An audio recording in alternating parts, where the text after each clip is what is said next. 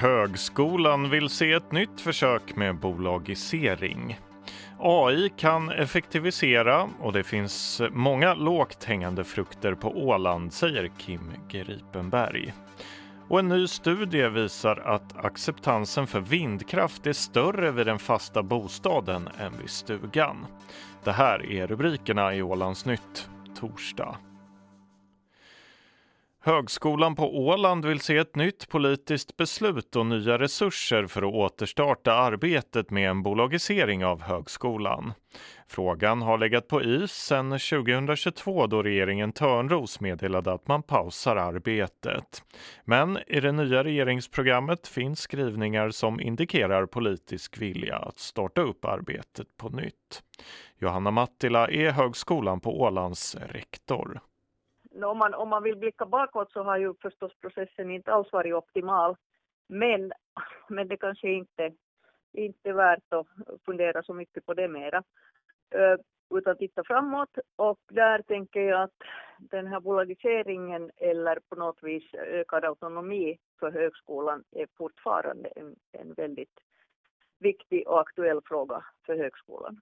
En bolagisering av högskolan skulle ge dem möjlighet att agera mer snabbfotat. Framförallt framhåller Mattila två saker. Att kunna ha egen personal utan att den är en del av landskapets personalkår. Det andra är att man skulle rå över sina egna finanser utan landskapets inblandning.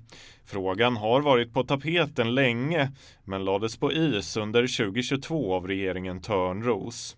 Det nya regeringsprogrammet öppnar för ett nytt försök, men det Mattila skulle vilja se nu från politiskt håll är ett faktiskt beslut. Ja, vi skulle förstås vilja, vilja se ett, ett, eh, ett beslut om bolagisering och, eh, och inte enbart det, utan det behövs ju lagförändringar och eh, andra ekonomiska anpassningar. Men framför allt att man, man, man aktivt fattar ett beslut att man kör igång, sätter resurser för det, både hos landskapsregeringen och hos oss.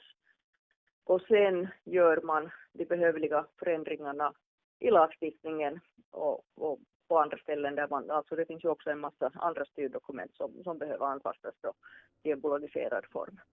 Det sa Johanna Mattila.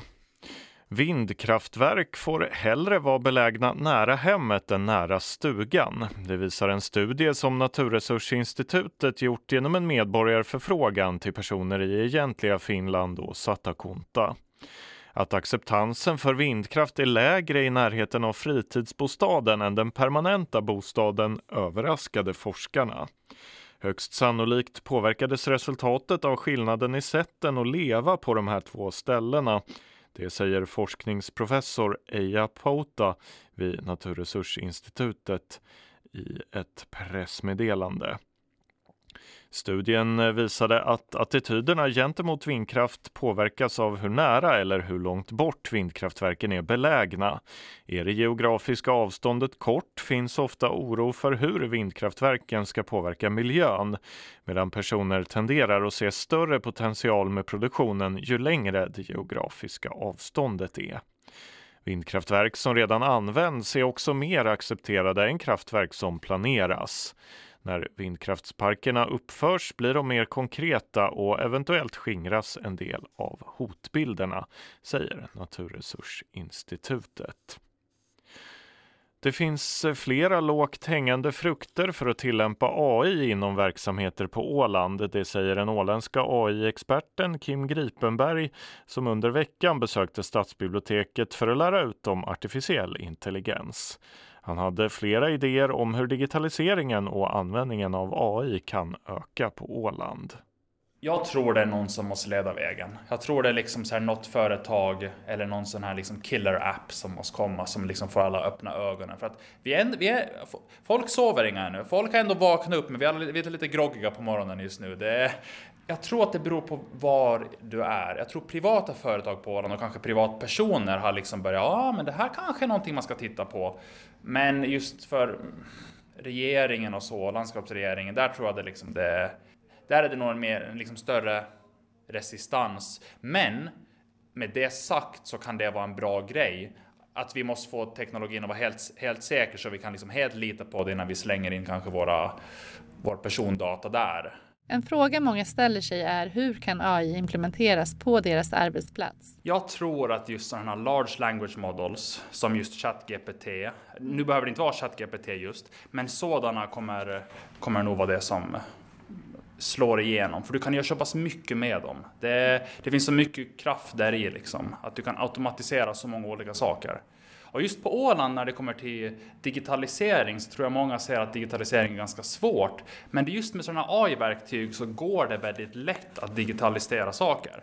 Var ser du att det bäst behövs någonstans för att underlätta för allmänheten i samhället? Bra fråga. Och en av de sakerna som jag behöver tänka på var just de här busstidtabellerna. För jag tycker, jag vet inte, jag, jag, tycker de är svåra att förstå. Så jag gjorde faktiskt en sån här custom GPT som man kan göra nu för tiden. Där jag laddade upp alla busstidtabellerna på Åland för att göra en eh, Mariehamn bussguide. Så kan man skriva bara att hej, jag vill åka från Maxinge till till centrum, hur går bussen och hur funkar det? Och jag tror det är sådana här små saker som kommer hjälpa väldigt mycket. Och liksom, jag ser att det finns hur mycket som helst vi skulle kunna göra. Vi kan automatisera, vi kan förbättra och effektivisera hur mycket som helst. Kim Gripenberg där alltså, reporter Maria Broberg. Viking Line, Åbo hamn och Stockholms hamnar undertecknade i veckan ett samförståndsavtal för att skapa en grön korridor mellan Åbo och Stockholm. Målsättningen är att korridoren ska vara helt fossilfri senast år 2035. Tanken är att partnerskapet ska fungera som en innovativ plattform för att utveckla skalbara lösningar för utfasning av fossila bränslen och göra en grön sjöfart mellan Åbo och Stockholm möjlig, skriver man i ett pressmeddelande. En studie vid Uppsala universitet visar att många fall av den fästingspridna virussjukdomen hjärnhinneinflammation, TBE, inte upptäcks, det skriver Fiskarposten. Forskningen visar att flera svenskar kan ha haft sjukdomen utan att ha vetat om den. Enligt resultaten kan så många som 160 000 personer i Sverige mellan 15 och 65 år ha haft TBE, vilket är långt fler än man tidigare trott. Studien genomfördes med en ny metod som gick ut på att analysera antikroppar i blodet från anonyma blodgivare i nio regioner i Sverige. Genom att undersöka antikropparna i blodet kunde man kartlägga hur många människor som haft sjukdomen. Vädret idag blir halvklart till mulet Eh, mot eftermiddagen spridda snöbyar. Temperatur mellan minus 3 och minus 7. Vinden är till en början lätt och ostlig mot eftermiddagen tilltagande och ikväll upp till 5 meter per sekund. På norra Östersjön, Ålands hav och Skärgårdshavet tilltagande ostlig till sydostlig vind till en början 2 till 6 meter per sekund. I eftermiddag 5 till 9. Lokalt snöbyar, annars mest god sikt. Så morgonens väderobservationer kvart över sju. Ute ostlig vind 3 meter per sekund minus 6. Kumlinge sydost 3 meter per sekund minus 7. Nyhamn ostlig vind 2 meter per sekund minus 5. Märket västlig vind 4 meter per sekund minus 5. I Mariehamn är det just nu minus 5. Vattenståndet vid mätstationen i Fögla var kvart över 7 48 centimeter över medelvattenståndet. Det var Ålandsnytt. Jag heter Axel Eriksson.